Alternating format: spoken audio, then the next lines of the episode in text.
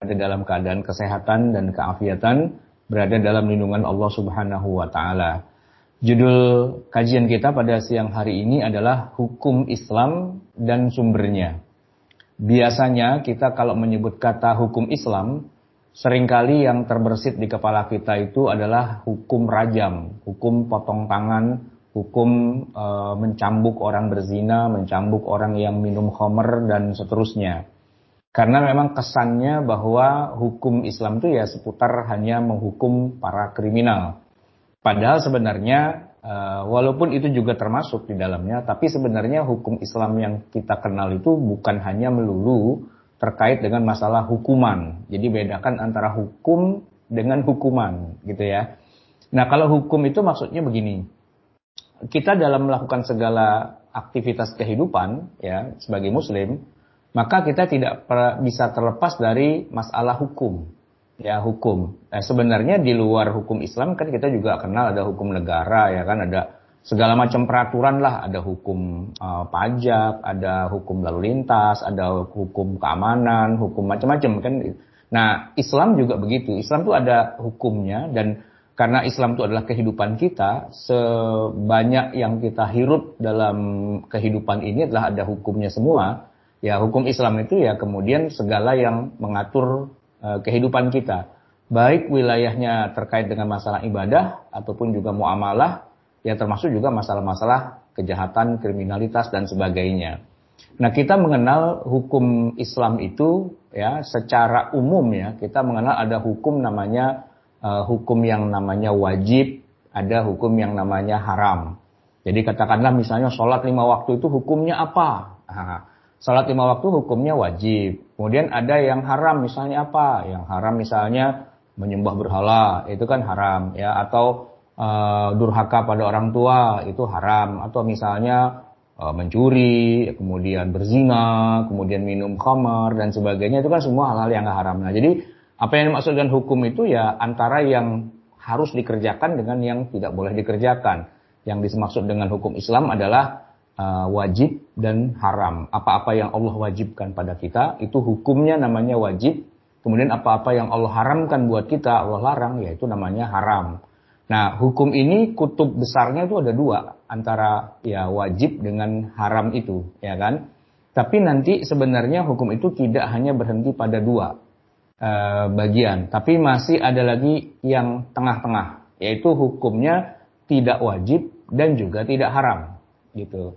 Berarti hukumnya apa? Oh, hukumnya berarti mubah. Ya kita makan, minum, ya kita beraktivitas segala macam itu kan banyak yang hukumnya mubah gitu. Artinya tidak diperintah, tapi juga tidak dilarang. Dan pada dasarnya hukum yang paling dasar dalam kehidupan kita semua itu adalah mubah. Ya segala sesuatu itu mubah-mubah saja, mau makan, mau minum, mau berekonomi, mau beraktivitas kan pada dasarnya hukumnya mubah. Jadi kita kenal hukum itu ada dua yang utama, yaitu hukum wajib, karena Allah wajibkan kita. Yang kedua ada hukum haram, yaitu Allah haramkan. Tapi juga ada hukum yang justru adanya di tengah-tengah, dan itu malah hukum asal dari segala kehidupan, yaitu hukumnya mubah-mubah saja. Nah, dari tiga kutub hukum itu, ternyata juga masih ada hukum yang keempat dan kelima. Yaitu antara yang wajib dengan yang mubah, itu ada yang namanya sunnah. Kemudian antara yang haram dengan yang mubah, tengah-tengahnya itu ada yang namanya makruh. Jadi lengkapnya kita punya lima hukum. Ya dari ujung paling sana, paling kanan eh, wajib, ya kemudian sunnah, mubah, makruh, haram. Ya wajib, sunnah, mubah, makruh, haram. Nah itu lima nama status hukum dalam Islam. Nah dalam semua deret kehidupan kita itu semua kita tidak akan pernah lepas dari yang namanya hukum-hukum Islam. Ya segala yang wajib, misalnya sholat lima waktu, puasa Ramadan, bayar zakat, haji, ya kan? Itu semua adalah wilayah-wilayah yang masuk hukumnya hukum yang wajib. Karena kalau kita kerjakan itu kita dapat pahala, tapi kalau kita tinggalkan tanpa uzur yang syar'i, ya tentu kita akan mendapatkan dosa dan siksa di neraka. Nah, lawan dari hukum wajib itu namanya haram. Kebalikannya, kalau kita tinggalkan kita malah dapat pahala, tapi kalau kita kerjakan kita malah berdosa. Nah, jadi wajib dan haram itu nama dua hukum. Jadi kalau misalnya ada pertanyaan, sebutkan lima hukum Islam. Nah, hukum Islam itu ada lima ya, ya wajib, Kemudian haram gitu ya, wajib adalah segala yang kalau kita kerjakan kita akan mendapatkan pahala, akan mendapatkan reward gitu kan. Sebaliknya kalau uh, kita tinggalkan maka kita justru berdosa. Nah, lawan dari hukum wajib itu adalah hukum haram namanya, ya. Nah, haram itu kalau kita kerjakan kita malah berdosa dan justru kalau kita tinggalkan malah dapat pahala. Ini kebalikannya. Nah, yang di tengah-tengah karena dia bukan wajib dan bukan haram, jadi mau kita kerjakan atau kita tinggalkan, enggak dosa, enggak berpahala. Mubah-mubah saja. Nah, sedangkan sunnah, nah, karena dia ada di antara wajib dengan dengan mubah, begini pengertiannya sunnah. Kalau kita kerjakan, kita dapat pahala. Ya, misalnya apa? Ya, misalnya sholat. Kan ada sholat sunnah, sholat duha, sholat uh, qobliyah ba'diyah, ya kan, sholat witir, sholat tahajud, sholat ya banyak sekali sholat, sholat tarawih misalnya. Nah itu kan e, sholat yang kalau kita kerjakan kita dapat pahala dan kalau nggak kita kerjakan juga tidak dosa. Nah, juga tidak dosa. Nah ini menunjukkan bahwa hukum sunnah itu dia setengah dari wajib, ya setengah. Jadi e, resikonya adalah tidak dosa. Kalau wajib kan kalau kita tinggalkan jadi berdosa puasa Ramadan itu kalau nggak kita kerjakan kita dosa. Tapi kalau puasa Senin Kemis ya dikerjakan dapat pahala tapi nggak dikerjakan juga nggak berdosa. Nah jamaah sekalian hukum sunnah itu begitu itu. Nah lawannya sunnah itu uh, setengahnya haram yaitu makruh. Jadi makruh itu adalah hukum Islam juga. Uh, kalau kita kerjakan nggak dosa ya sebagaimana juga apa namanya uh, kalau dalam sunnah itu ya kalau kita tinggalkan nggak dosa tapi kalau dalam uh, makruh ini kita kerjakan nggak dosa. Dia beda dengan haram. Kalau haram kita kerjakan dosa. Ya, tapi kalau kita tinggalkan, maka dia akan memberikan pahala. Itu makruh.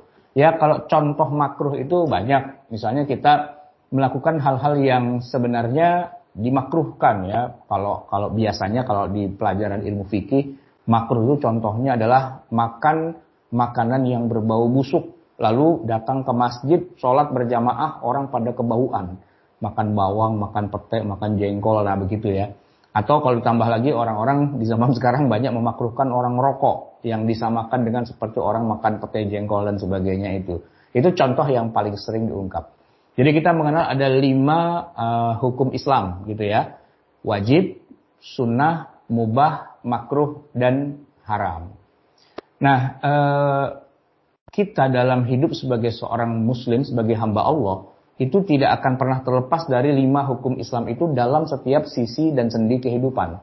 Ya, selalu ada masalah yang jadi haram, selalu ada masalah yang jadi wajib, selalu ada masalah yang jadi sunnah, mubah dan sebagainya. Nah, kaitannya dengan judul kita, kan tadi judulnya adalah hukum Islam dan sumber-sumbernya. Kalau kita bicara sumbernya, sumber itu maksudnya adalah Ya, siapa sih yang menetapkan ini wajib, ini sunnah, ini makruh, ini mubah, ini haram? Dari mana? Siapa yang memberitahu kita bahwa ini adalah uh, hukumnya wajib, sunnah, mubah, makruh, haram? Jawabannya ya jelas. Sumbernya tentu dari Allah Subhanahu wa taala. Allah Subhanahu wa taala itu yang menciptakan manusia. Nah, kita sebagai hambanya, orang yang Allah ciptakan, tentu kita harus taat. Nah, taat itu dalam rangka taat itu terikat dengan lima hukum tadi ada mana mana bagian kehidupan yang memang Allah wajibkan ya wajib kita kerjakan. Tapi nanti ada juga yang Allah haramkan ya berarti haram. Ada juga yang Allah mubahkan, mubah berarti kan mau dikerjain boleh nggak dikerjain nggak apa-apa. Terus juga ada yang Allah sunnahkan ya berarti kalau kita kerjakan dapat poin, dapat reward, dapat pahala, tapi ditinggalkan pun tidak apa-apa dan ada juga yang makruh yang kalau kita uh, langgar kita terjak itu nggak dosa sih sebenarnya gitu. Cuma uh, sebaiknya untuk ditinggalkan dan kalau kita tinggalkan malah dapat pahala. Itu siapa yang menjadi sumber atau yang menentukan hukum-hukum itu tentu saja Allah Subhanahu wa taala. Nah, sumber hukum Islam itu adalah asy-syari' yang membuat syariat yaitu Allah Subhanahu wa taala. Cuma nah kita akan bahas teknisnya. Itu kan baru uh, bicara filosofinya. Filosofinya adalah ya Allah pencipta maka Allah lah yang ngatur kan begitu ya. Tapi secara secara teknisnya ini bagaimana? Aturan yang Allah berikan kepada kita tuh datangnya lewat jalur apa? Gitu ya. Tentu lewat jalur pensyariatan, lewat diutusnya para nabi dan rasul, lewat diturunkannya kitab suci. Kalau bahasa sederhananya lewat Quran, lewat sunnah.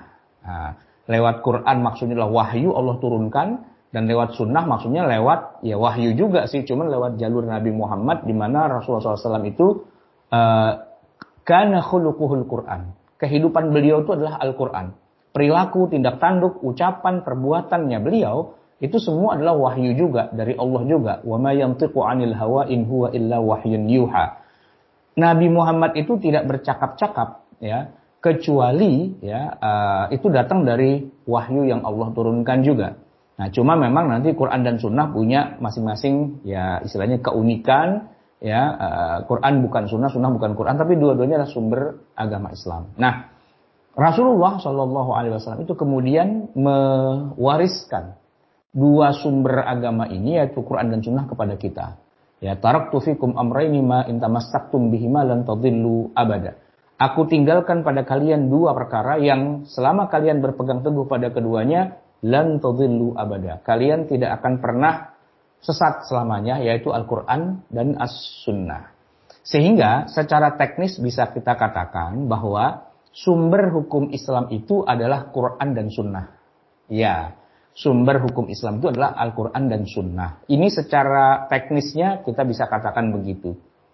Tapi jamaah sekalian, Bapak Ibu yang dirahmati Allah, walaupun secara teknis kita katakan sumber hukum Islam itu Quran, walaupun kita uh, sebutkan sumber hukum Islam itu adalah sunnah atau hadis gitu ya, tapi sebenarnya dalam implementasi yang lebih realistis lagi, ternyata masalahnya tidak sesederhana yang kita bayangkan. Kenapa? Karena Al-Quran, ya Al-Quran ataupun juga hadis ini adalah sumber hukum yang turunnya secara fisik itu itu sesuatu e, yang bahasanya saja dari awal sudah bukan bahasa yang kita pahami. Quran, hadis itu bahasa Arab. Quran, hadis itu bahasa Arab. Nah, kita bukan orang Arab, sehingga kalau kita mau mengkoneksikan hidup kita dengan Quran dan hadis, nomor satu problematika terberatnya adalah Quran dan hadis itu bahasanya bahasa Arab dan kita nggak ngerti. Quran ngomong bagaimana kita nggak paham, hadis ngomong apa kita nggak paham. Lalu bagaimana kita kok e, mau hidup sebagai hamba Allah dengan tuntunan ketentuan halal haram wajib mubah makruh dan sebagainya, tapi e, Qurannya atau sumbernya, hadisnya, itu kita nggak mengerti bahasanya. Ya jawaban sederhananya kan, kan ada terjemahannya Ustadz. Oke, berarti kan jalan tengahnya adalah pakai terjemahan. Oke, pakai terjemahan. Sebenarnya dengan adanya terjemahan Quran dan terjemahan hadis, harusnya, harusnya selesai masalah. Ya, kayak kita nonton film Korea. Orang Korea itu kan kita nggak paham bahasanya gitu kan. Tapi ya ketika ada subtitlenya, keluar subtitle gitu ya. Oh, selesai. Oh, begitu ceritanya. Kan selesai kan nonton film Hollywood ada subtitlenya. Oh, ya sudah, nggak masalah dengan kendala bahasa. Kalau nonton film Korea. Tapi kalau baca Quran nggak sesederhana ngasih subtitle. Kenapa nggak sesederhana ngasih subtitle? Nah, begini ceritanya. Walaupun Al-Quran itu petunjuk, walaupun Quran itu sumber uh, hukum dan sebagainya, saya kasih masalahnya begini. Quran itu walaupun dia pakai bahasa Arab, ya, tapi tidak mentang-mentang ada orang Arab, ya, orang Arab nih ya, kan orang Arab ngomongnya tiap hari udah bahasa Arab. Quran kan berbahasa Arab, otomatis dia paham dong, harusnya kan, secara bahasa. Tapi ternyata tidak, ternyata tidak, ya. Uh, karena Al-Quran tidak sesederhana cerita film.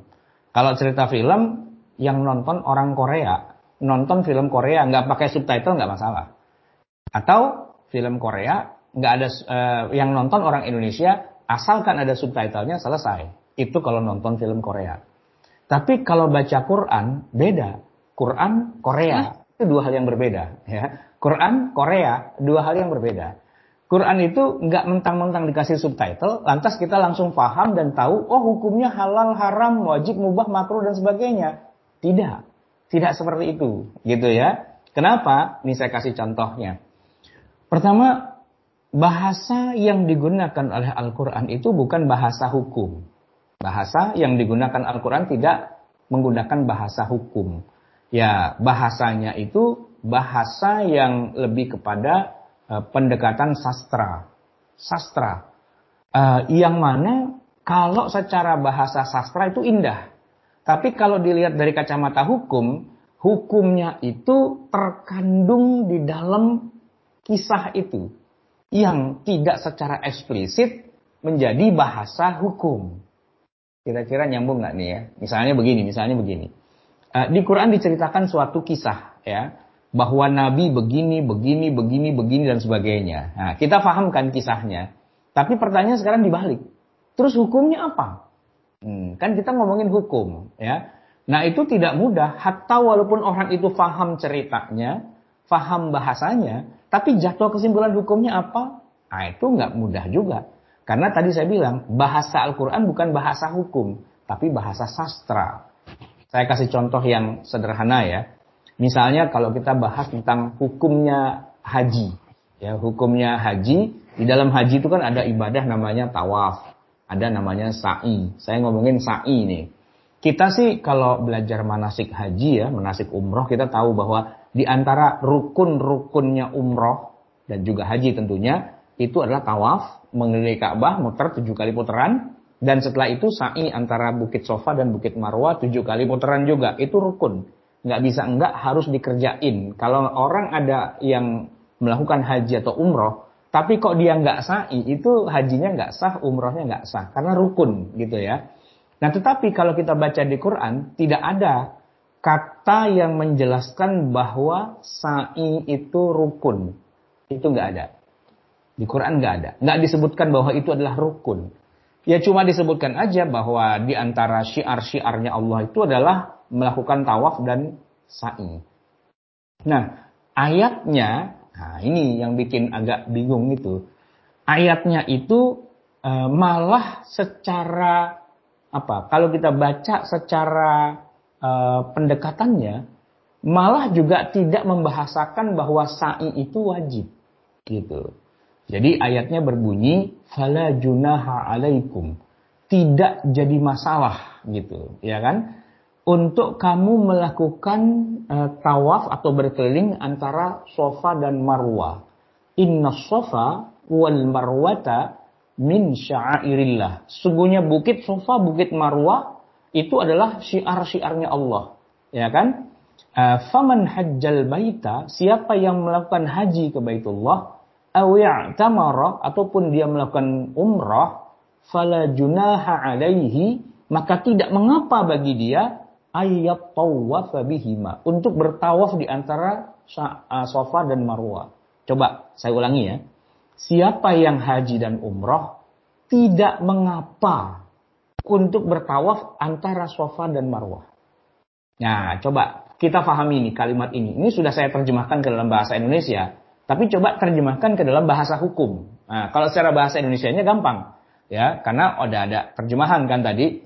Sesungguhnya Safa dan Marwa termasuk syiar-syiarnya Allah. Min sya'airillah. Faman hajjal baita, siapa yang berhaji ke Baitullah, awi'tamara ataupun berumrah, fala junaha, tidak mengapa untuk melakukan sa'i antara Safa dan Marwa itu. Sampai di situ berhenti. Sekarang saya tanya, apa hukumnya melakukan sa'i antara sofa dan marwa sesuai ayat tersebut?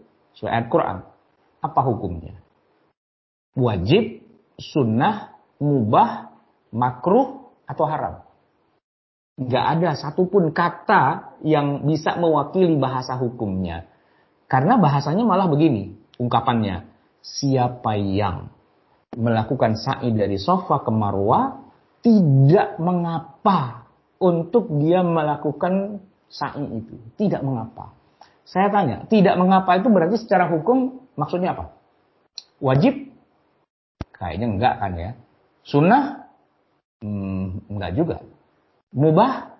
Ya kalau mubah pastilah. Karena kan dibilang tidak mengapa. Gitu kan. Haram?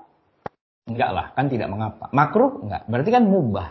Gitu kan. Tengah-tengah itu kalau kita mau tafsirkan. Nah sekarang pertanyaan segini, berarti berarti kalau orang haji atau umroh itu dia dia sa'i atau tidak sa'i kan tidak apa-apa. Logikanya kan begitu harusnya kan. Nah, padahal salah dan keliru besar. Enggak.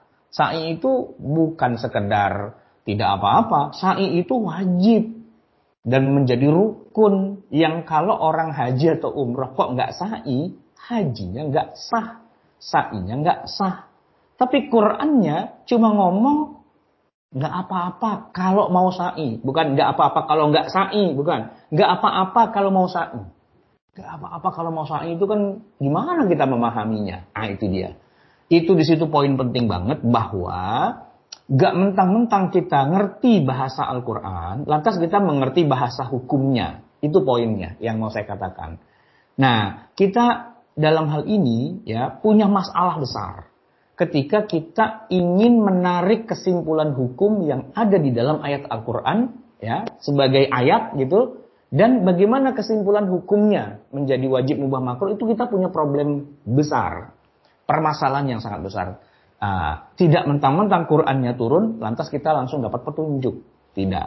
Karena bahasa Al-Quran ya bahasanya bahasa Arab tapi gaya penyampaiannya itu adalah bahasa cerita bercerita ngomongnya kayak gimana, tapi maksud dan tujuan dari ayat itu, maka syariahnya dari ayat itu, itu kadang-kadang malah tidak bisa kita tangkap karena tidak ada teksnya. Nah, untuk bisa menangkap maksud dari suatu ayat, gitu ya, kandungan hukum dari suatu ayat, itu harus orang yang benar-benar menguasai ayat tersebut, kapan turunnya, bagaimana ceritanya, apa latar belakangnya dan bisa membandingkan satu ayat dengan ayat-ayat yang lain. Sehingga nanti dia bisa kemudian mengambil kesimpulan, oh hukumnya itu begini, oh hukumnya itu begitu, gitu kan? Bukan orang yang kayak kita awam, nggak tahu ceritanya gimana, ya bunyi ayatnya kayak gitu, zahir nasnya kayak gitu, tapi kita juga nggak tahu terus kesimpulan hukumnya apa. Nah, jadi judul kita kali ini rada-rada bikin kita puyeng ya hukum Islam dan sumbernya. Hukum Islam itu lima ya, wajib, sunnah, mubah, makruh, haram. Sumbernya Quran dan sunnah. Tapi bagaimana mengkomunikasikan antara hukum dan sumbernya itu ternyata di situ ada missing link. Ada missing link. Ada hal-hal yang nggak bisa kita lakukan kecuali mereka yang memang expert, yang ngerti banget bagaimana menarik kesimpulan hukum. Nah, itu adalah sebuah disiplin ilmu yang nggak semua orang memilikinya. Ya, hanya mereka yang memang expert di bidangnya, kemudian dia bisa menarik kesimpulan hukum. Nah, itulah yang kita sebut dengan ilmu syariah eh, atau ilmu fikih. Ilmu untuk bisa menarik kesimpulan hukum dari sumbernya. Kalau saya boleh bikin semacam perumpamaan itu begini. Kita kan hari ini uh, naik mobil, naik motor, kendaraan lah secara umum kan pakai bahan bakar bensin gitu ya. Nah, ada yang tahu nggak bensin itu sumbernya itu dari mana? Sumbernya bensin. Nah, sumbernya bensin ya dari minyak bumi kan? Oh, dari dalam tanah. Oke, dari dalam tanah. Jadi eh, kita nih eh, Indonesia boleh dibilang negara yang kaya dengan sumber kekayaan alam salah satunya adalah minyak bumi. Bahkan pada masanya dulu kita termasuk negara pengekspor minyak ya sebagai negara OPEC. Uh, tapi sekarang kita sudah nggak mengekspor malah kita impor. Nah minyak yang ada di dalam tanah, di dalam bumi ya, itulah yang menjadi sumber dari bahan bakar mobil dan motor kita.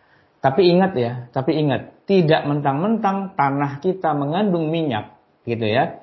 Lantas kalau kita ke mana-mana tinggal gali lubang, tinggal sedot minyak, tinggal masukin ke tangki bensin. Oh tidak begitu. Tidak begitu. Enggak. Kita itu kalau naik mobil ke mana-mana, kalau bensinnya habis, kita enggak cari tanah. Enggak. Kita cari apa? Kita cari pom bensin. Ya, karena tanahnya itu men, enggak mentang-mentang mengandung minyak langsung bisa dipakai. Dia harus diolah dulu, diproses dulu. Ya, ada istilahnya pertambangan minyak gitu kan, ada proses pengolahan minyak. Dari minyak bumi yang hitam pekat itu ya, diproseslah ya uh, sampai kemudian menjadi hasil akhir. Apa itu? Ada jadi bensin, ada jadi aftur, ada jadi aspal bahkan gitu ya. termasuk juga uh, plastik yang kita kenal tuh, ah, itu salah satu sumbernya justru dari minyak bumi juga begitu. Nah, oleh karena itu maka ada proses gitu. Makanya banyak negeri yang kalau dilihat secara geografis alamnya, alamnya itu kaya raya. Tapi orang yang hidup di atasnya malah miskin, malah terbelakang, malah mereka masih hidup di zaman batu gitu ya. Padahal uh, buminya kaya raya maka terjadilah eksploitasi, apa namanya penjajahan dan sebagainya. Nah, karena apa? Karena untuk bisa menggunakan minyak bumi di bawah itu butuh smart, butuh akal, butuh pemikiran cerdas. Cerdas saja nggak cukup, tapi juga butuh modal. Karena untuk bisa nyedot hmm, apa namanya bumi dari minyak bumi dari dalam tanah itu ya butuh modal, butuh bikin sebuah apa namanya pabrik pengeboran minyak kan. Kadang-kadang minyaknya juga nggak di darat, malah dilepas pantai Nah, jadi butuh dana besar. Nah, butuh dana besar itu nggak mentang-mentang misalnya ya. Negeri kita kan banyak nih anak-anak apa hmm, anak muda yang pada kuliah luar negeri belajar tentang perminyakan.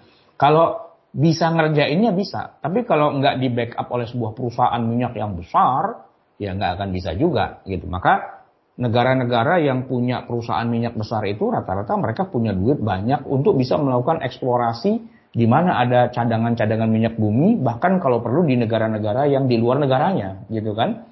Ya misalnya negeri Arab, itu kan banyak minyak buminya. Tapi perusahaan-perusahaan yang nyedot minyak bumi di sana itu belum tentu yang punyanya itu orang Arab. Tapi bisa jadi malah orang Inggris, orang Amerika, ya kan ada British Petroleum, ya kan. Kemudian ada ada apa lagi tuh kalau perusahaan Amerika, ya kan, dan sebagainya. Ya banyak lah begitu. Nah, jadi berarti eh, nggak uh, mentang-mentang uh, penduduk suatu negeri uh, kekayaan alamnya itu banyak gitu ya, lantas kemudian dia bisa menikmati, tidak gitu. Nah, kira-kira seperti itu juga agama Islam ini gitu. Quran dan hadis itu kita bisa ibaratkan sebagai minyak bumi yang terpendam di bawah bumi kita. Nah, sedangkan hukum-hukum syariah, wajib, mubah, makruh, haram dan sebagainya, nah itu kira-kira seperti bensin dari minyak bumi yang mentah itu menjadi bensin itu butuh sebuah proses. Nah, kita orang awam nggak bisa melakukan proses itu. Nah, siapa yang bisa melakukannya? Ya tadi, yang smart gitu ya, yang pinter, yang punya teknologinya, yang punya kekayaannya gitu. Nah, dalam uh, perumpamaan ini mereka itu yang kita kenal sebagai para fukoha, para ahli fikih gitu yang mereka ini sudah ada sejak zaman sahabat. Dari zaman sahabat kalau orang kayak Abu Bakar, Umar, Utsman, Ali gitu ya, Aisyah gitu, Ummu Salamah gitu ya. Itu adalah orang-orang yang sangat-sangat expert di bidangnya. Kalau Ibnu Qayyim Al-Jauziyah menyebutkan dari 124 ribu sahabat itu setidaknya ada sekitar 130 orang yang mana mereka itu adalah para fukoha. Gitu. Artinya yang bukan 130 orang itu atau sisanya yang begitu banyak, mereka itu malah bukan ahli syariah. Ya mereka sahabat Nabi sih, tapi mereka bukan ahli syariah gitu.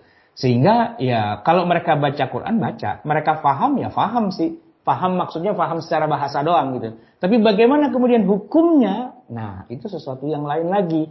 Maka mereka yang nggak ngerti bertanyalah kepada Abu Bakar, bertanya kepada Umar, bertanya kepada Osman, kepada Ali. Nah, para sahabat yang pakar-pakar syariah ini, ya, setelah Nabi wafat kan mereka berpencaran ke berbagai penjuru dunia. Lalu mereka juga punya murid. Nah, banyak muridnya ribuan gitu ya. Nah, murid-muridnya itulah yang kemudian jadi pakar juga gitu, pakar dalam hukum Islam. Quran mah hafal luar kepala, hadis juga hafal luar kepala, tapi bagaimana menarik kesimpulan hukumnya hanya pakarnya yang tahu gitu ya. Nah, nanti di berbagai negeri itu para muridnya itu kemudian punya murid lagi, ya kan? Jadi sampai tiga jenjang itu, sahabat, tabiin, atba'ut tabi'in. Nah, muridnya lagi, ini udah cucu nih ya, udah cucu dari sahabat itu, kemudian punya murid lagi. Nah, di situlah kemudian kita mengenal pakar-pakar fikih yang sudah luar biasa. Jadi saya kasih contoh ya, misalnya di Madinah sepeninggal Nabi Muhammad SAW, para sahabat kan berpencaran ke seluruh dunia. Nah, di antara sahabat Nabi yang kemudian menjadi pakar hukum, jadi ulama besar di Madinah itu, salah satunya adalah Abdullah bin Umar radhiyallahu an. Beliau ini anaknya Umar bin Khattab tapi statusnya tetap sahabat. Ya, bapaknya sahabat Nabi, anaknya sahabat Nabi karena mereka hidup bersama-sama berdua itu ketemu Nabi langsung. Umar meninggal duluan bapaknya. Nah, anaknya Abdullah bin Umar kemudian menjadi ulama besar di Madinah. Nah, kemudian Abdullah bin Umar ini juga punya murid kan. Banyak ribuan muridnya, salah satu yang paling menonjol namanya Nafi'. Nafi'. Nafi' ini dulunya adalah budaknya, pembantunya. Tapi kemudian karena dia pinter gitu ya, malah dia mewarisi ilmu dari uh, tuannya uh, si Abdullah bin Umar ini, namanya Nafi' gitu kan. Nah, setelah era Abdullah bin Umar ini sudah wafat gitu kan, Nafi' yang dulunya cuma pembantu, ini udah jadi guru besar, jadi ulama di Madinah. Nah, Nafi' ini punya banyak murid, ribuan muridnya. Salah satu murid yang paling cerdas, yang paling cemerlang itu namanya Malik Nah, bisa bisa urutin ya dari awal. Dari Nabi punya murid namanya Abdullah bin Umar. Abdullah bin Umar punya murid namanya Nafi'. Nafi' punya murid namanya Malik. Nah, Malik itu siapa? Malik itu ternyata adalah yang kita kenal sekarang ulama besar mazhab Maliki. Jadi mazhab Maliki itu adalah yang membangunnya adalah namanya Imam Malik bin Anas rahimahullah, muridnya Nafi' Nafi muridnya Abdullah bin Umar, Abdullah bin Umar ya muridnya Rasulullah Shallallahu Alaihi wa alihi Wasallam. Nah, Malik ini kemudian punya murid banyak ribuan. Salah satu yang paling hebat, yang paling topnya adalah Muhammad bin Idris Ash-Syafi'i. Yaitu Imam Ash-Syafi'i yang kita kenal sebagai madhab Syafi'i. Itu muridnya Imam Malik. Nah, kemudian Imam Syafi'i nanti punya murid lagi ribuan banyak. Salah satunya adalah namanya Ahmad bin Hambal. Nah, jadi kemudian eh, kalau kita kenal ada mazhab ada empat, ada mazhab Maliki, ada mazhab Syafi'i, ada mazhab Hambali gitu ya. Mereka itu hidupnya di masa itu, yaitu dia guru mereka itu di atasnya lagi udah sahabat dan kemudian di atasnya lagi langsung Rasulullah Wasallam sebagai orang yang nggak seperti umumnya para sahabat atau tabiin atau atbal tabiin, tapi mereka tuh pakarnya, ahlinya. Ahli apa? Tadi ahli bagaimana menarik kesimpulan hukum yang ada di Quran dan di Sunnah menjadi hukumnya wajib, mubah, makruh, haram, dan seterusnya. Itu yang kita sebut sebagai para fukoha, ya para ahli fikih. Nah, fikih itu adalah ilmu yang membahas tentang hukum-hukum syariah yang diambil dari sumbernya, yaitu Quran, Sunnah, nanti tulisannya ada ijma, qiyas, dan lain-lainnya. Nah, Berarti sekarang kalau kita mau bicara secara lebih teknis ya, hukum Islam wajib, sunnah, mubah, makruh dan haram itu sumbernya sih dari Allah.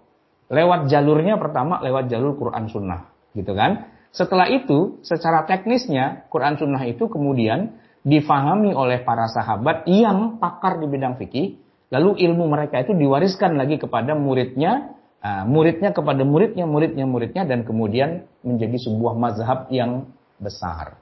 Nah, mazhab ini kemudian beredar di seluruh dunia. Seluruh dunia Islam itu ada mazhab-mazhab. Nah, salah satunya yang paling besar dan menjangkau wilayah yang tidak terfikirkan sebelumnya adalah mazhab asy-syafi'i. Yang mana kita orang Indonesia hari ini ketika bicara tentang hukum Islam, mazhab yang sampai ke kita itu jalurnya adalah jalur mazhab asy-syafi'i. Karena mazhab ini mazhab yang paling besar, dia mengcover hampir 100% wilayah dunia Islam, tidak ada wilayah yang tidak ada mazhab syafi'inya, ya. Dan kemudian kalau di kita lebih eksklusif lagi, menjadi satu-satunya mazhab yang sampai ke negeri kita. Kalau kayak Saudi Arabia, empat lapis mazhab itu ada. Atau di Mesir misalnya, empat lapis mazhab itu ada. Tapi nanti ada negara-negara yang hanya satu lapis mazhab saja. Misalnya kalau Afrika Utara itu ya, seperti Libya, Aljazair, Tunis, Maroko, itu yang ada di sana yang yang berkembang mazhabnya cuma uh, Maliki saja. Yang lainnya ada tapi nggak begitu banyak ya, uh, yang dominan ya. Kemudian kalau di India, Pakistan itu rata-rata adalah mazhabnya Hanafi. Sedangkan Saudi Arabia sendiri dewasa ini, dan mazhab yang berkembangnya di sana Hambali. Nah, kalau kita Indonesia, Asia Tenggara, ada Malaysia, ada Brunei, ada Indonesia sendiri itu kan. Nah, maka yang sampai dan eksis itu adalah mazhab Asy-Syafi'i. Nah, mazhab-mazhab inilah yang kemudian ketika mengajarkan ilmu hukum syariah lewat kitab-kitabnya, itu kita belajar ya ini halal, ini haram, ini mubah, ini wajib, ini makruh. Itu kita belajarnya lewat ilmu fikih yang diajarkan di masing-masing mazhabnya. Sumbernya tentu dari Al-Quran, sumbernya tentu dari As-Sunnah. Cuman biar jadi kesimpulan hukum, kadang-kadang ya diajarkannya lewat proses bagaimana cara bikinnya, tapi kebanyakannya prosesnya itu nggak harus dikuasai. Ya kayak gini, kita beli bensin itu nggak perlu tanya, Pak, ini bensin ini datang kan dari minyak bumi. Ajarin dong Pak cara proses ngerjainnya. Nggak perlu kan? Nggak perlu. Udahlah mau beli apa enggak? Kalau beli ini berapa liter gitu aja. Urusan bagaimana cara merubahnya dari minyak bumi menjadi bensin kan nggak terlalu penting. Ya sama juga ketika kita naik mobilnya sendiri, kan mobil itu ada sumbernya kan, ada pabriknya. Kita sebagai end user, sebagai pengguna akhir, ya kita nggak harus tahu bagaimana cara bikin mobil, nggak harus gitu. Ya kalau kita mau tahu bisa kita datang aja ke pabrik mobil tuh ke Astra itu ya, mobil Kijang, mobil apa itu kan rata-rata dibikin di pabrik mobil di Toyota gitu ya. Kita bisa tur gitu, masuk ke dalam pabrik mobil, lihat bagaimana cara mobil dibikin, asal dikasih izin atau ke pabrik Honda gitu misalnya, atau apalah gitu, eh, pabrik-pabrik yang lain, ya kita bisa tur gitu. Tur itu artinya cuma melihat, oh begitu para ahli mengerjakan kerjaan mereka gitu ya. Nah, tetapi bukan berarti kalau kita tahu dari tur sekilas itu, lantas kita pulang bisa bikin mobil sendiri kan? Enggak juga. Enggak juga. Iya kita serahkan aja para expertnya, manufacturernya yang bikin, nah kita cuma tahu dan kita kagum aja, wah hebat ya pabrik mobil. Nah sekarang juga ada mobil dari Cina, ada mobil dari Korea, Selain dulu pabrik mobil kalau aslinya dari Amerika atau dari Eropa gitu ya. Nah, itu kan pabrikan-pabrikan mobil besar. Nah, mazhab-mazhab itu kalau saya boleh bikin perumpamaan, itulah kira-kira pabrikan-pabrikan mobil besar. Kalau di Indonesia, mungkin yang lebih merajai itu ya bukan mobil Amerika ya, bukan mobil Eropa. Mungkin dulu iya, tapi kalau hari ini mobil-mobil dari Jepang, dari Korea itu lebih merajai. Kira-kira begitu ya. Nah nanti di negara yang lain, mungkin kayak di Amerikanya sendiri, ya tentu mobil Amerika lah. Kalau di Inggris ya pasti mobil Inggris lah gitu ya. Negara-negara yang punya pabrik besar itu biasanya pakai mobil mereka sendiri kan. Nah kalau Jepang memang agak unik juga, dia bukan cuma dipakai sendiri tapi malah dijual ke negara-negara lain. Bahkan varian-variannya itu kadang-kadang di Jepangnya sendiri malah nggak ada. Kita di Indonesia punya mobil kijang nih gitu. Orang Jepangnya begitu datang ke Indonesia, ini mobil kami ya, mobil Toyota. Nah itu sampai sedemikian rupa ya mereka bisa uh, bangun uh, manufacture yang luar biasa canggih, yang luar biasa hebat gitu dan kemudian uh, bisa istilahnya oh, produknya dipakai orang di seluruh dunia, tetapi kita tidak tahu apa namanya bagaimana itu prosesnya. Tapi kita pakai saja, kita end user kan, kita orang yang berada pada posisi paling akhir ya udah kita pakai aja.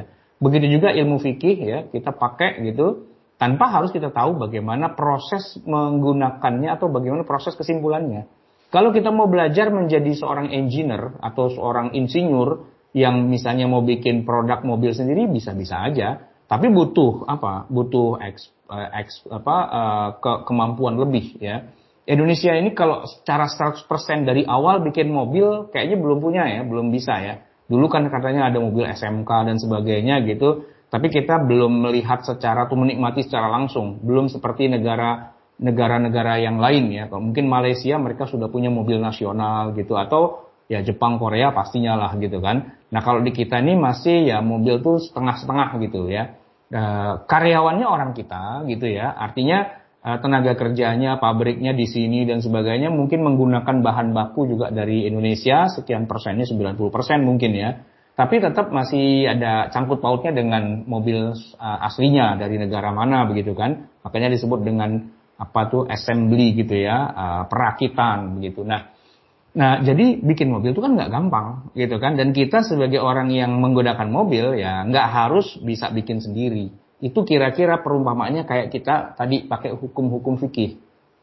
Jadi hukum fikih itu walaupun sumbernya dari Quran dan Sunnah, tapi kita nggak bisa e, narik kesimpulan sendiri dan kita serahkan pada yang expert, yaitu para ahli fikih. Nah kita tanya kepada para ahli fikih, Ustadz ini hukumnya apa? Ini hukumnya apa, ini hukumnya apa. Nah mereka lah yang kemudian bisa mengeluarkan itu semua. Para ahli fikih pada ulama. Nah untuk bisa tahu dan lebih mengenal lebih jauh, ya kira-kira kayak orang kalau mau apa istilahnya uh, beli mobil, beli motor gitu ya, untuk bisa menyupiri atau mengendarai, kan kita butuh uh, apa namanya selain SIM ya, butuh sekolah mengemudi, ya kan, butuh belajar. Nah kalau orang yang sekolah mengemudi beneran, ya pasti kan dia tahu aturan lalu lintas, bagaimana cara berkendara, jangan ngasih sen kiri tapi belok kanan gitu, malah jalannya pelan-pelan di tengah, nggak jelas kayak emak-emak gitu kan. Nah ini kan semua ada ilmunya ya, ilmu untuk menguasai kendaraan yang kendaraan itu punya kita sih gitu ya. Nah itu adalah ilmu fikih, gitu, ilmu fikih. Jadi kalau kita mau tahu hukum Islam kita harus sekolah atau belajar tentang ilmu fikih biar kita nggak ngawur ya Nah di dalam ilmu fikih kita tidak melakukan proses uh, apa uh, istilahnya langsung pada sumbernya, enggak. Kita yang kita pelajari adalah apa yang sudah disepakati oleh para ulama itu yang kita pakai gitu ya. Sekolah mengemudi itu jangan disamakan dengan sekolah bikin motor. Beda gitu ya. Sekolah mengemudi adalah bagaimana cara mengemudikan kendaraan yang punya kita. Tapi sekolah bikin motor tuh hal yang lain lagi. Nah, yang wajib bagi kita tuh sekolah mengemudinya itu. Karena kita kan mau mengemudi kendaraan kan. Jangan sampai orang nggak pernah belajar yang benar, tiba-tiba di jalanan dia ngelawan arus gitu kan. Dia nerobos perboden misalnya. Dia lampu merah itu diterjak-terjak. Kenapa? Dia nggak sekolah gitu. Nah, di negara kita, di Jakarta ini misalnya, banyak banget tuh orang yang nggak pernah kursus mengemudi, tiba-tiba dia naik kendaraan begitu aja. SIM sih punya, eh, tapi peraturan lalu lintas dia terjak semua karena boleh jadi dia nggak tahu. Nah itu kira-kira kayak zaman sekarang nih. Orang beragama tapi nggak pernah belajar ilmu fikih. Gitu. Jadi segala sesuatu tabrak-tabrak, pura-puranya dia pinter banget ayat Quran, pura-puranya dia pinter banget hadis padahal nggak ngerti apa-apa. Gitu ya. Karena memang nggak bisa dia langsung mengambil dari Quran dan hadis.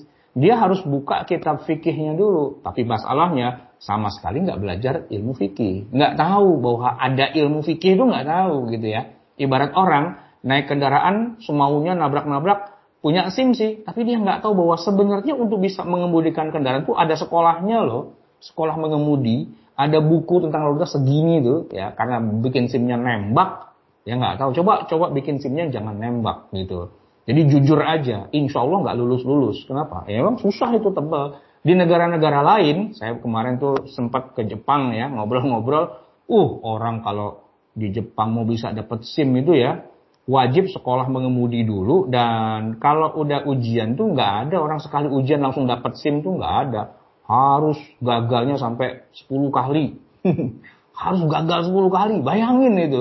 Begitu ketat sekali mereka sehingga hasilnya juga luar biasa, nggak kayak kita ya tinggal sama calo bayar 500 ribu pulang udah punya SIM gitu kan. Nah itu kan SIMnya resmi tapi ilmunya abal-abal. Nah itu kayak kita di Indonesia tuh. Banyak gitu. Ustadz, penceramah dan sebagainya. Kelihatannya pinter banget tapi nggak pernah belajar ilmu agama dengan benar.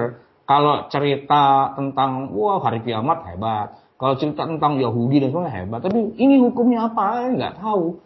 Nah, kalaupun dia tahu dia ngambil dari Quran langsung, dari hadis langsung yang nggak benar juga cara mengambil kesimpulannya. Oleh karena itu yang penting untuk kita ketahui adalah kita ini harus terikat dengan hukum Islam, walaupun kita nggak tahu sumbernya bagaimana, tapi ilmu untuk mengetahui deskripsi dari hukum Islam itu itu penting, yaitu ilmu fikih. Kita harus mengaji dan belajar ilmu fikih agar tahu hukum Islam, sehingga kita tidak menghalalkan yang haram, tidak meninggalkan yang wajib, tidak menabrak yang haram, tidak terbolak-balik mengedepankan yang tidak wajib, malah yang sunnah yang dikedepankan, atau sebaliknya dan seterusnya. Ini penting buat kita. Nah jamaah sekalian, karena waktu kita sudah jam 1, secara official, mungkin sudah habis ya waktunya. Saya akan kembalikan kepada pimpinan acara. Terserah kalau ada pertanyaan silahkan, tapi kalau nggak ada ya nggak apa-apa. Saya akhiri dulu sampai di sini semoga bermanfaat. Mohon maaf atas segala kekurangan kesalahan. Hadanallah wa iyyakum ajma'in wa minkum. Assalamualaikum warahmatullahi wabarakatuh. Waalaikumsalam warahmatullahi wabarakatuh. Masya Allah. Terima kasih Pak Ustadz atas penyampaian materinya. Luar biasa. Analoginya sederhana gitu. Wah, apa namanya? Untuk mudah dicerna gitu Ustadz. Uh, Baik, coba kita cek di chat box sudah ada yang bertanya atau belum ya Ustadz? Ya, silakan. Alhamdulillah, penanya setia sudah ada Pak Ustadz. Hmm. Dari Pak Zulfikar Darlis.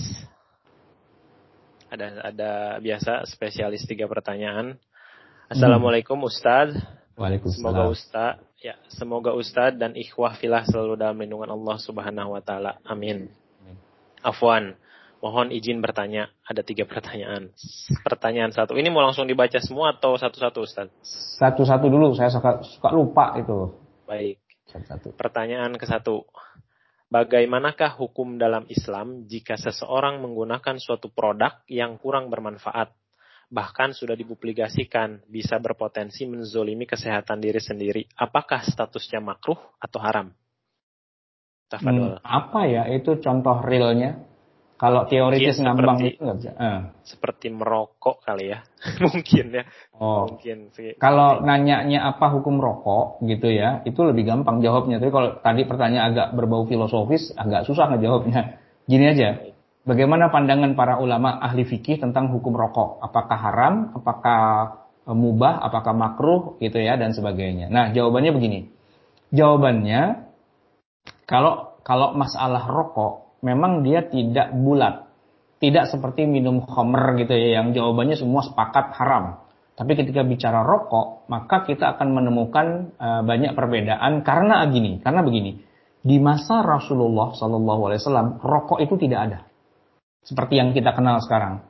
Bahkan kalaupun kita mundur ke belakang dari zaman sekarang ke sebutlah 10 enggak 10 ya, kira-kira 30-an tahun yang lalu lah. Saya masih SD.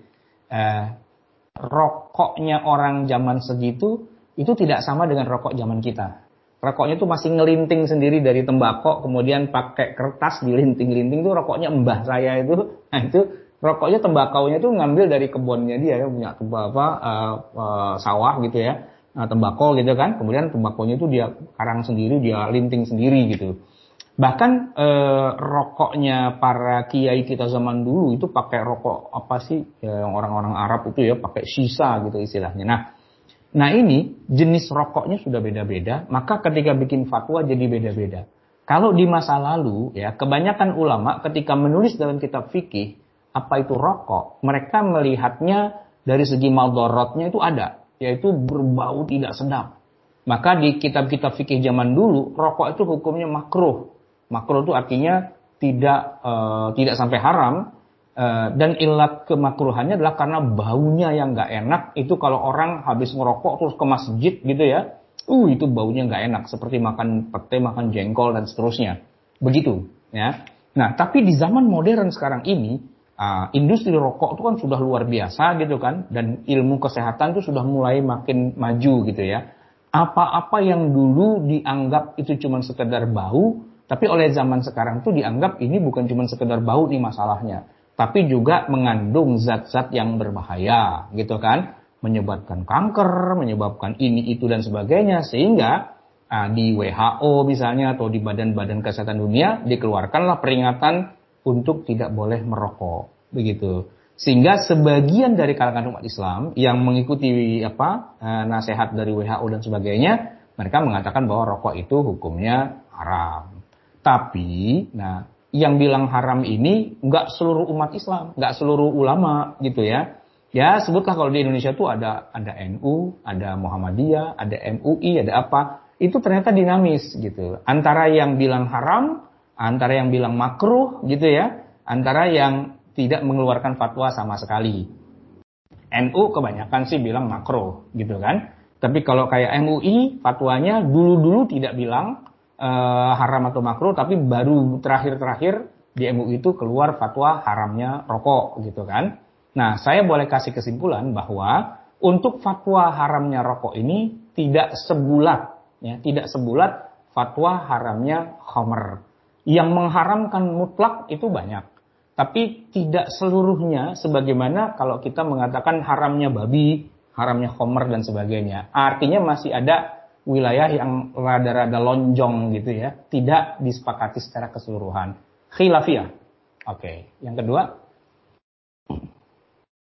sebentar. Coba saya klarifikasi dulu. Benar nggak yang dimaksud Pak Zulfikar itu atau secara umum? Betul nggak Pak Zulfikar? Boleh diklarifikasi nggak nih pertanyaan nomor satu? Alhamdulillah Ustaz. Terima kasih pencerahannya. Benar-benar merokok. Benar. Baik. Terima kasih Pak gitu, Pak Ustaz. Ya. Sama-sama Pak Zul. Gitu. Uh, kalau ini saya tambahin dikit. Kalau kita nih sebagai, ya saya lah pribadi sebagai awam gitu uh, itu gimana Pak Ustadz menyikapinya? Kan tadi dibilang tidak bulat gitu ya. Ada hmm. sebagian ulama yang ya ulama hmm. juga pasti dengan keilmuan kan mereka yeah. menanggapi atau men, mem, apa namanya menyikapinya. Yeah. Tidak haram. Ya satu haram. Yeah. Nah, kita di sisi apa tadi ya? konsumen kali ya. Yeah. Uh, umat muslim yang yang awam uh, itu gimana Pak Ustadz? Saran nih dari Pak Ustadz yang memiliki keilmuan, gimana hmm. Pak Ustadz? Ya, kalau saya secara pribadi, saya tidak merokok. Dan tidak menganjurkan orang merokok dan menganjurkannya sebaiknya Anda jangan merokok, gitu kan? Ya, cuma saya secara pribadi tidak mengatakan bahwa yang merokok itu masuk neraka atau haram dan sebagainya, enggak. Ya karena tadi lonjongnya itu. Tapi kalau misalnya ada orang mabok gitu ya, minum bir, minum apa dan sebagainya, saya bilang bir haram. Udah sepakat lah, udah nggak ada lonjong-lonjongnya lagi. Tapi kalau rokok, ya kiai dan ulama kita kan mereka juga para ahli juga gitu kan ya mereka masih pada merokok gitu dan dan artinya kita tidak bisa mengatakan oh kiai gadungan itu ulama itu dan sebagainya nggak bisa bilang begitu juga ya kan nah karena memang ke apa keberadaan rokok itu sendiri itu secara eh, apa secara perkembangan zaman itu ya Tadinya tuh juga WHO nggak pernah bilang kayak gitu. Tadinya ya, tadinya tuh rokok bebas-bebas aja. Coba nonton film tahun 80-an di Indonesia. Rokok itu di mana-mana. Coba nonton filmnya Bang Haji Roma Irama. Itu sambil ngerokok gitu loh. Nah, hari ini itu nggak boleh apa lewat komisi penyiaran itu nggak boleh ada rokok di dalam film gitu kan. Nah, karena ada kampanye untuk tidak boleh merokok gitu. Tapi Kampanye ini kan datangnya baru-baru saja, bukan sesuatu yang dari awal, dari Al-Quran turun tiba-tiba sudah bilang rokok haram ya, nggak begitu. Sesuatu yang berjalan sesuai dengan waktu, penelitian-penelitian terakhir mengatakan itu tidak boleh, gitu kan. Nah, seperti itu juga banyak, misalnya pakai helm nih, pakai helm. Pakai helm saya tanya, wajib nggak orang berkendara naik sepeda motor pakai helm? Ya kalau kalau sekarang sih kita zaman sekarang wajib lah gitu kan. Tapi coba nonton film tahun 80-an. Orang naik motor tuh gak ada yang pakai helm. Karena di zaman itu dianggap nggak terlalu penting. Ini kan sesuai dengan kebiasaan atau uruf ya yang yang berkembang di masyarakat. Saya kalau masalah rokok, saya katakan jangan merokok. Anda akan eh, punya banyak kerugian lah. Ada resiko A, B, C, D dan sebagainya. Saya tidak merokok, saya anjurkan Anda tidak merokok. Tapi kalau bicara bagaimana hukum fikih tentang rokok, Kan fikih itu kan bukan maunya saya, ya kan? Tapi saya menggambar dari bagaimana perkembangan para ulama di masa saya. Oh ternyata ada ulama yang merokok dan membolehkan, ada ulama yang mengatakan tidak. Kalau pro-nya, saya pro yang mengatakan tidak boleh, gitu ya kan? Tapi saya tidak bisa menghakimi, menjudge para ulama yang masih merokok dengan bilang, woi ahli neraka lo, kafir lo, nggak bisa juga. Kenapa? Ya karena kenyataannya mereka punya argumen, punya hujah, dan kita harus menghormati hujah para ulama itu sendiri gitu ya. Walaupun secara pribadi saya nggak nggak mau. Ya saya kalau ngobrol sama ustadz yang ngerokok ya saya tinggal gitu ya. Nah, ustadz kok ngerokok malu-maluin aja gitu kan. Ya saya sering nih tampil pengajian tampilin bareng ada beberapa ustadz. Nah sebelum tampil maju ke depan kan kita di belakang dulu ngobrol. Dia ngerokok gitu. Ustadz besar nggak usah saya sebut namanya dia ngerokok. Dia tanya sama saya, saat ngerokok? Enggak, Afwan, saya kagak ngerokok. Wah, kalau gitu sorry nih ya, saya ngerokok dulu nih. Ayat ah, terserah ente dah. Masa saya bilang kafir lu gara-gara ngerokok? Kan nggak mungkin juga. Ya kan gak, dia ulama gitu. Semua umat tahu. Cuman pinternya dia adalah di depan masanya dia nggak ngerokok. Hebat juga kan? Ngerokok dia diam-diam di belakang di apa di sekretariat masjid itu bau rokok gitu. Siapa yang ngerokok nih? Wah, ustad ternyata. Saya mau omelin dia ustad. Kalau enggak ya akhirnya dia bilang gini. Sorry ustad, aneh kalau kagak ngerokok itu huruf kitab itu jadi kagak kelihatan. Anda mau ngajar nggak kelihatan nih huruf kan? Itu mah ah, gitu dia bilang. Ada Maka gitu. kalau buat anda pribadi rokok tuh hukumnya fardu ain gitu ya. Kalau belum merokok kagak bisa nih ceramah. Ya mau bilang apa kita? Ya sudahlah. Maka saya bilang rokok itu nggak seharam homer dan sebagainya. yang sepakat nih. Kalau ada ulama, ustadz sebelum ceramah dia mabok dulu, hmm, kita usir langsung. Apa-apaan ustadz mabok dulu. Tapi kalau dia ngerokok, ya kita nggak bisa usir. Ya udahlah itu mazhab ente lah, lakum dinukum waliyadin. Kira-kira begitu. Baik Pak Ustadz. Kita lanjut ke pertanyaan kedua nih dari ya. Pak Zul. Bagaimanakah menyikapi istilah bid'ah yang lebih tepat disesuaikan dengan perkembangan zaman dan teknologi. Karena kadang masih ada kaum tradisional yang kolot masih menggunakan pola lama, khawatir masuk perangkap bid'ah. Nah, ini menarik nih. Ngomongin hukum Islam dan istilah bid'ah. Pertama, kata bid'ah itu sendiri tidak masuk dalam uh, wilayah atau ruang lingkup hukum Islam. Ya, jadi di dalam ilmu syariah, ya ilmu fikih dan usul fikih, kita tidak mengenal ada istilah hukum namanya bid'ah. Itu kita nggak kenal. Ya, sebagaimana juga kita nggak mengenal hukum itu misalnya oh, hukumnya merah, hukumnya hitam, hukumnya putih, nggak ada gitu. Karena hukum itu bukan warna, gitu kan? atau warna itu bukan hukum ya. Warna itu merah putih hitam hijau abu-abu biru. Itu adalah nama warna bukan nama hukum. Nggak bisa kita bilang woi ini hukumnya hijau. Hukumnya hijau. Hijau apa? Hijau bukannya warna. Nah, tidak tepat menggunakan kata hijau untuk mewakili status hukum nah kata bid'ah gitu juga bid'ah itu bukan nama hukum tidak ada suatu perbuatan di dunia ini yang nama hukumnya adalah bid'ah. Itu nggak ada. Karena bid'ah itu bukan nama hukum, gitu. Sebagaimana kalau kita bilang, woi, lu jangan gitu tuh, hijau tuh hukumnya. Oh, hukumnya hijau sih. Ya, kalau dibilang hukumnya haram, iya. Dibilang hukumnya mubah, makruh, iya. Tapi kalau hukumnya hijau, hijau apaan, gitu kan? Sama, kalau kita bilang, woi jangan gitu tuh, bid'ah tuh. Bid'ah apaan? Bid'ah itu bukan nama hukum. Bid'ah itu nama sifat. Sifat yang menceritakan tentang timeline suatu kegiatan.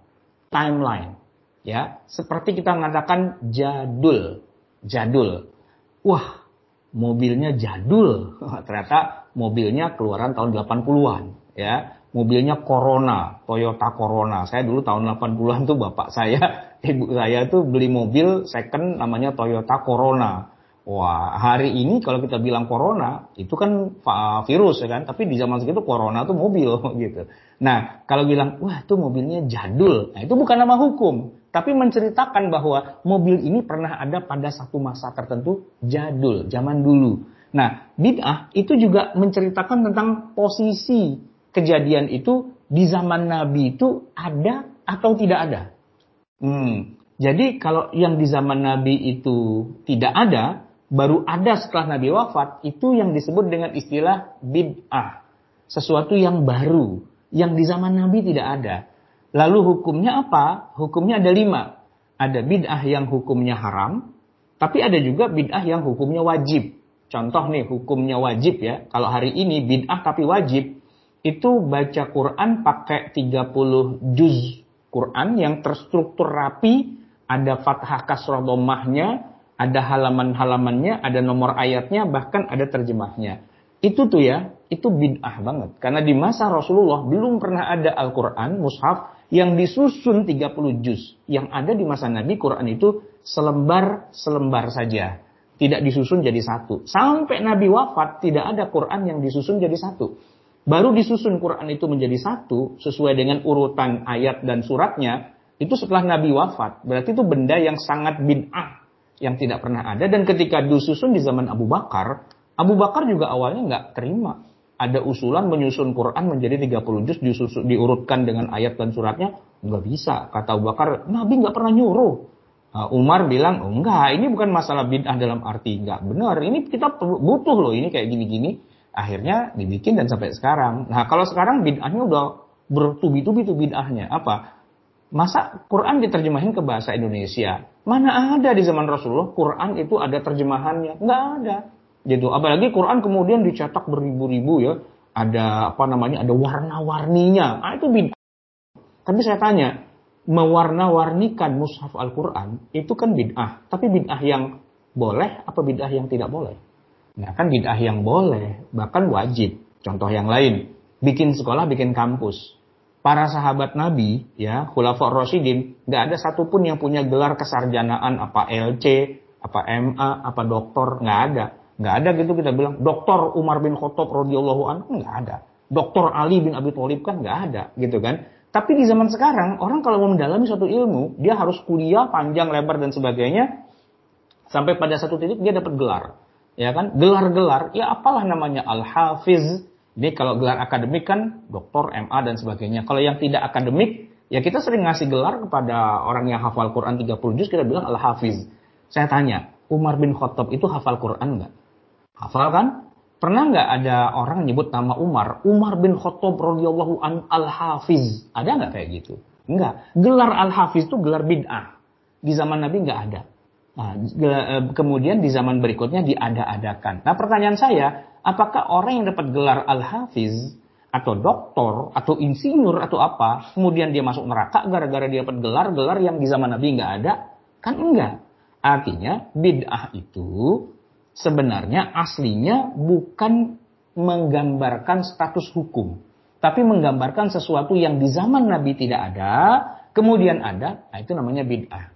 Nah, memang Nabi pernah menyebutkan kullu bid'atin dolalah, semua bid'ah itu sesat. Tetapi maksudnya bukan berarti segala yang setelah zaman Nabi baru ada lantas semua sesat, enggak juga. Kalau begitu, masjid itu seluruh dunia ini harus kita bumi hanguskan. Kenapa? Karena semua masjid setelah era Nabi Muhammad SAW baru ada kubahnya, baru ada menaranya, baru ada karpetnya, baru ada garis-garis softnya, baru ada sound systemnya, dan semua itu tidak ada di zaman Nabi, berarti itu bid'ah. Kalau semua bid'ah itu sesat masuk neraka, ya kita semua yang setiap hari sholat ke masjid itu masuk neraka. Karena berarti masjidnya harus dibikin seperti zaman Rasulullah. Yaitu masjid yang tidak ada lantainya, yang cuma tembok doang, nggak ada daun pintunya, yang tidak ada atapnya bolong ke atas, yaitu masjid yang belum jadi. Nah, masjid yang paling sunnah itu adalah masjid yang belum jadi dibikin. Baru berdiri batu batanya dan tiang-tiangnya, belum ada lantai keramik dan sebagainya, ke, masih bolong belum ada atap dan sebagainya. Nah, itu masjid kayak gitu. Tapi kan di masa Nabi bukan pakai semen, pakai tanah lempung bikinnya, ya kan? Dan tiangnya bukan cor-coran, pakai Eh, batang pohon kurma. Berarti kalau pakai cor-coran juga bid'ah juga. Karena di zaman ini nggak ada cor-coran, nggak ada kawat yang apa besi yang ukuran berapa gitu untuk ngecor nggak ada. Harusnya bikinnya pakai tanah lempung dan pakai tiang-tiang dari kurma. Nah, itu berarti kan masjid bid'ah juga gitu ya. Nah, apakah masjid yang ada di dunia, Masjidil Haram, Masjid Nabawi, sekarang itu kan AC-nya, sound systemnya, lightingnya, dan sebagainya, itu kan bid'ah semua sebenarnya itu. Tapi apakah ini bid'ah yang haram? Jawabannya tidak. Ada bid'ah yang haram, ada bid'ah yang tidak haram. Nah itu nanti jangan disamakan antara bid'ah dengan eh, hukum-hukum uh, syariah yang lima itu. Oke. Okay. Baik, Pak Ustadz. Terima kasih. Bid'ah itu ya. Jadi harus menyikapinya harus ini ya dengan lapang dada dan pakai ilmu gitu ya. Jangan asal sembarang apa namanya tangkep aja gitu. Ya. Ke pertanyaan ketiga Pak Ustadz. Ya. Banyak fenomena orang malas belajar memperbaiki bacaan Al-Quran. Lebih mengutamakan membaca terjemah dan tafsir Al-Qurannya saja. Apakah hmm. baca Al-Quran itu wajib atau orang yang hanya baca terjemahannya saja yang su atau atau orang yang hanya baca terjemahannya saja sudah mendapat pahala? Kalau dapat pahala, baca Quran itu memang dapat pahala, tapi yang harus dibaca adalah ayatnya dalam bahasa Arabnya. Ya ya, ya lafaz Qurannya itu sendiri. Itu yang mendatangkan pahala walaupun hukumnya tidak wajib. Jadi kalau misalnya kita baca nih ya, alif lam mim, kan kita nggak tahu artinya dan juga tidak ada tafsirnya apa, hanya Allah yang lebih tahu ya maknanya. Tapi alif lam mim itu kan tiga huruf, setiap satu hurufnya mendapatkan pahala sepuluh. Jadi alif lam mim tiga huruf dapat 30 pahala gitu ya. Itu pahala baca. Tapi apakah wajib? Jawabannya tidak. Untuk baca Quran yang wajib adanya cuma dalam sholat yaitu baca suratul fatihah di setiap rakaatnya kita wajib membacanya. Yang kalau kita nggak baca maka sholatnya menjadi tidak sah dan jadi berdosa gitu ya. Nah sedangkan baca terjemah bukannya tidak berpahala sih. Ya kalau kita bisa memahami isinya dan mempraktekkan mengamalkannya tentu akan berpahala. Tapi setiap hurufnya tidak dibalas dengan kebaikan, tidak dibalas dengan pahala. Karena memang e, pahalanya sifatnya bukan yang sifatnya ritual, yang sifatnya adalah ilmu. Ya, siapa yang menuntut ilmu maka dia akan dapat pahala. Nah ilmunya dengan cara apa? Salah satunya dengan cara membaca terjemahannya, walaupun terjemahan itu juga tidak ya belum komplit gitu ya. Kalau mau baca yang lebih bagus lagi bukan hanya terjemah, baca tafsirnya dan ngaji gitu ya, belajar isi dan sebagainya. Nah, mempelajarinya itu sama juga dengan menuntut ilmu dan menuntut ilmu berpahala. Tapi hitungannya bukan pahala secara ritual membaca lafaz-lafaz Al-Qur'an yang tadi itu ya.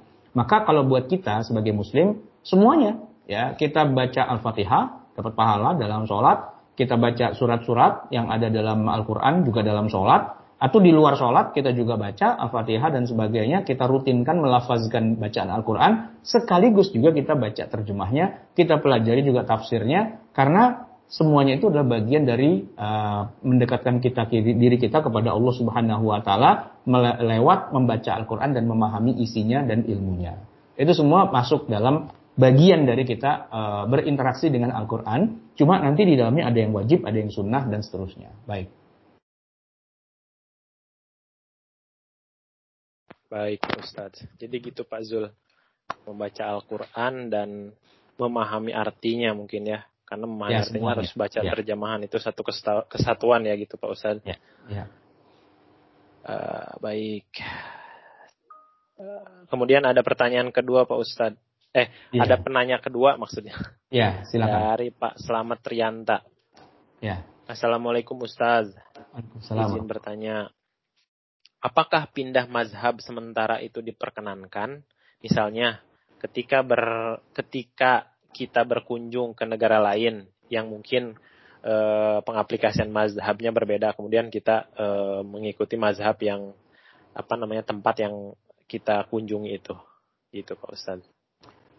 Uh, begini, ada yang bisa dan ada yang tidak bisa. Ya, contohnya adalah yang bisa nih contohnya adalah ketika Syekh uh, As-Sudais, uh, Imam Masjidil Haram datang ke Jakarta, ke Istiqlal jadi imam sholat Jumat. Beliau ini bukan orang Indonesia ya, beliau itu orang Saudi. Orang Saudi itu mazhabnya adalah Hambali. Dalam mazhab Hambali, kalau kita baca surat Al-Fatihah, itu kita hanya bunyi mendengar, memperdengarkan suara itu hanya pada ayat yang kedua. Ayat pertamanya Bismillahirrahmanirrahim itu dibacanya sir, tidak dibaca jahar. Nah, bedanya dengan mazhab kita di Indonesia, mazhab Syafi'i, ayat pertama itu sudah dibaca dengan jahar. Ya, jadi imam sholat Masjidil Istiqlal itu misalnya, itu kalau baca surat Al-Fatihah, dari sejak awal itu sudah mengeraskan bacaan Bismillahirrahmanirrahim. Ya, tapi kalau Imam As-Sudais di Masjidil Haram sana, dia langsung Alhamdulillahi Rabbil. Bismillahnya dibaca tapi sir. Itu bedanya antara mazhab Syafi'i dengan mazhab Hambali. Nah, tetapi Imam As-Sudais ketika datang ke Jakarta, beliau menghormati orang Indonesia yang mazhabnya Syafi'i, ngimami sholat Jumat di Masjid Istiqlal, sejak awal dia membaca uh, basmalah dengan suara yang jahar. Jadi setelah Allahu Akbar baca doa iftitah itu, beliau memulainya dengan Bismillahirrahmanirrahim. Itu pertama kali saya dengar, saya kaget. Ya, Eh, sejak tidak lama saya uh, kenal dengan Syekh Asudais bukan kenal sih maksudnya mengetahui keberadaan beliau dia di Mekah sana itu baru tumben saya dengar beliau tuh memulai dengan bacaan Bismillah yang dikeraskan. Nah ini menunjukkan bahwa dia tuh kayak kayak pinjem mazhab gitu kan. Nah ini bisa terjadi dan sangat dianjurkan kalau memang konteksnya adalah tidak bertabrakan gitu jadi dalam hal ini madhab syafi'i dan madhab hambali itu seiring sejalan ya dalam hal membaca bismillah tinggal bedanya kecil aja apa dijaharkan apa tidak apa sir gitu kan? Itu. Tapi kalau misalnya ada madhab syafi'i mensirkan boleh ada mazhab Hanaf Hambali menjaharkan juga nggak apa-apa. Cuman afdolnya nah ngomongin afdol afdolnya kami jahar ya kalau Syafi'i. Kalau kata Hambali afdolnya kami sir ya. Nah, tapi dalam kondisi tertentu mereka bertukar-tukar itu gak jadi masalah.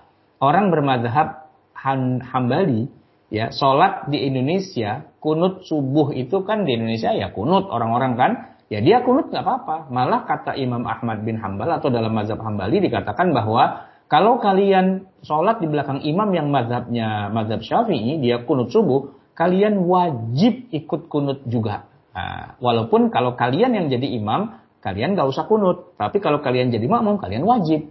Nah itu adalah sisi di mana satu mazhab dengan mazhab yang lain itu masih seiring sejalan. Perbedaannya hanya masalah sunnah tidak sunnah gitu saja. Tapi nanti ada kasus di mana dua mazhab itu berbeda, berseberangan dan bertabrakan. Ya, contohnya masih balik lagi dengan Syafi'i tapi dengan Hanafi dalam hal sentuhan kulit suami istri. Kalau kata Syafi'i sentuhan kulit itu membatalkan wudhu. Tapi kalau kata Hanafi tidak batal. Nah yang begini-begini ini nggak bisa tiba-tiba langsung loncat gitu kan.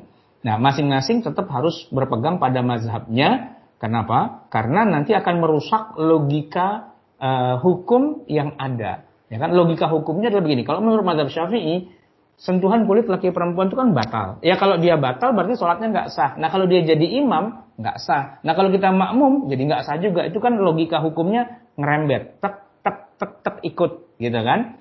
Nah oleh karena itulah maka eh, sebaiknya orang-orang yang bermazhab Hanafi ini walaupun dalam pandangan mereka sentuhan kulit tidak batal, sebaiknya mereka jangan melanggar karena nanti ada mazhab yang lain yang jadi ada masalah kalau dia melanggar kebetulan dia jadi imam gitu kan.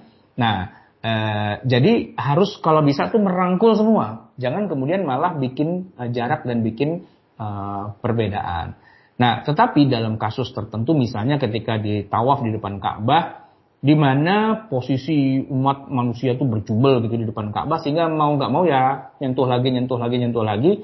Nah, di situ kemudian kalau pakai mazhab Syafi'i kan jadi bermasalah ya, jadi batal. Nah, nanti di situ ada yang namanya darurat. Nah, wa daruratu tubihul mahdurat kedaruratan itu membolehkan yang tidak boleh sehingga bisa dihukumi tidak batal dan kebetulan mazhab sebelah mendukung ya sudah berarti kita didukunglah oleh mazhab yang lain. Sentuhan kulit itu aslinya sih kalau di dalam mazhab syafi'i itu batal tapi karena darurat jadi tidak batal dan kebetulan dibantu oleh mazhab yang lain sehingga ya kita lebih lega dan tenang. Justru malah keberadaan mazhab lain itu ikut menenangkan kita juga. Itu kira-kira seperti itu. Baik masya Allah. Apa ilmunya? Banyak banget Pak Ustadz. Ini kalau bicara perbedaan mazhab dan segala macam tuh nggak cukup kayaknya harus beneran sekolah di rumah fikih ini Ustaz. ya tapi kita bela namanya belajar lah sedikit-sedikit ya Pak ya. Ustadz biar ini uh, jazakallah khairan kasiron Pak Ustadz atas ilmu yang disampaikan, di-sharing ke kita semua jamaah uh, kajian lever gitu Pak Ustadz. Cuman karena waktu juga sudah mau habis Pak Ustadz, ini mohon maaf ada pertanyaan-pertanyaan yang ini saya saya akhiri gitu ya di live-nya. Mungkin nanti saya bisa bisa kayak kemarin Pak Ustadz saya sampaikan ke Pak Solihin mungkin nanti boleh dibantu jawab Pak Ustadz Baik, uh, setelah kajian mungkin ya. ya. Uh, baik, mungkin saya tutup saja kajian uh, online kali ini hari ini Eh, semoga Allah Subhanahu wa taala memberikan hidayah Amin. agar kita semua dapat memahami, mengambil pelajaran dan menambah ilmu eh, dan pengetahuan kita akan ilmu agama Islam yang luasnya luar biasa ini ya e, Pak Ustadz.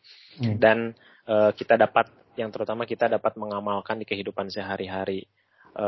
sebagai penutup Pak Ustadz boleh dipimpin doa gitu Pak Ustadz untuk kita semua. Baik. Bismillahirrahmanirrahim. Alhamdulillahirabbil alamin. Hamda yuafi ni'amahu wa yukafi mazidah ya Rabbana لك الحمد ولك الشكر كما ينبغي لجلال وجهك ولعظيم سلطانك. اللهم صل وسلم وبارك على سيدنا محمد وعلى آل سيدنا محمد. ربنا ظلمنا أنفسنا وإن لم تغفر لنا وترحمنا لنكونن من الخاسرين. ربنا آمنا بما أنزلت واتبعنا الرسول فاكتبنا مع الشاهدين. ربنا لا تزغ قلوبنا بعد إذ هديتنا وهب لنا من لدنك رحمة إنك أنت الوهاب. ربنا آتنا في الدنيا حسنة وفي الآخرة حسنة وقنا عذاب النار. sallallahu alaihi wasallam Muhammadin wa ala alihi wasallam walhamdulillahi rabbil alamin. Assalamualaikum warahmatullahi wabarakatuh. Waalaikumsalam warahmatullahi wabarakatuh.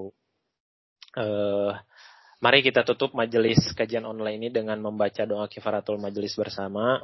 Subhanakallahumma wa bihamdika asyhadu alla ilaha illa anta astaghfiruka wa atubu ilaik. Uh, kemudian saya informasikan untuk kajian besok insya Allah uh, setiap hari Kamis kita melaksanakan tahsin baik ikhwan ataupun akhwat dan informasinya juga sudah sering disampaikan baik di WhatsApp grup gitu ya, broadcast atau di email gitu. Baik, Tafado, uh, terima kasih Pak Ustadz atas kajiannya. Uh, semoga Allah membalas segala amal baik kita dengan balasan yang berlipat ganda. Amin. Jazakallahu khairan kasiron. Bila taufiq wal hidayah. Wassalamualaikum warahmatullahi wabarakatuh. Waalaikumsalam. Terima kasih Pak Ustaz. Ya, sama-sama. Saya